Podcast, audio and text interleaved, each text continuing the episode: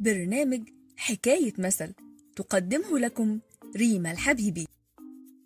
وأنا صغيرة كنت بحب جدا أركب عجل لدرجة إني كنت بسوق وأنا واقفة وماسكة الجدون بكل ثقة وألف في الشوارع وأمشي مسافات طويلة وأعمل خمسات كمان.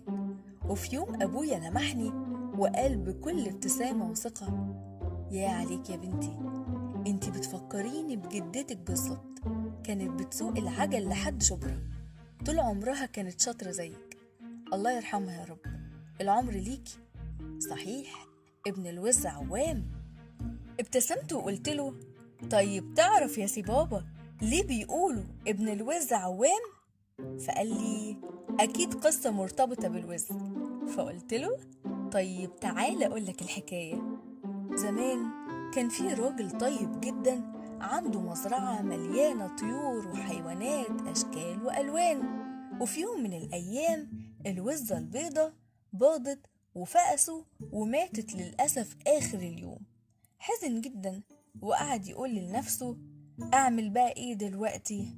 خلاص أنا بقى هحطهم مع الفراخ وأمري إلى الله. سابهم فعلا مع الفراخ ياكلوا ويلعبوا وآخر اليوم يطلعهم بره يتهووا ويتمشوا.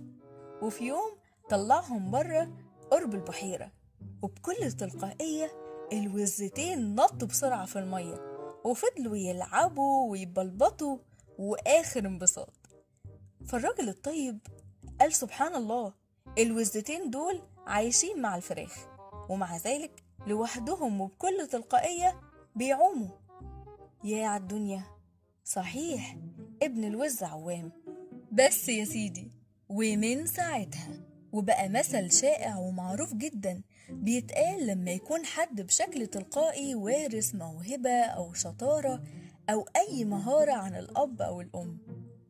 قولوا لنا بقى وارثين إيه عن آبائكم من صفات ومهارات وشطارة؟ وكم مرة اتقال لكم المثل ده؟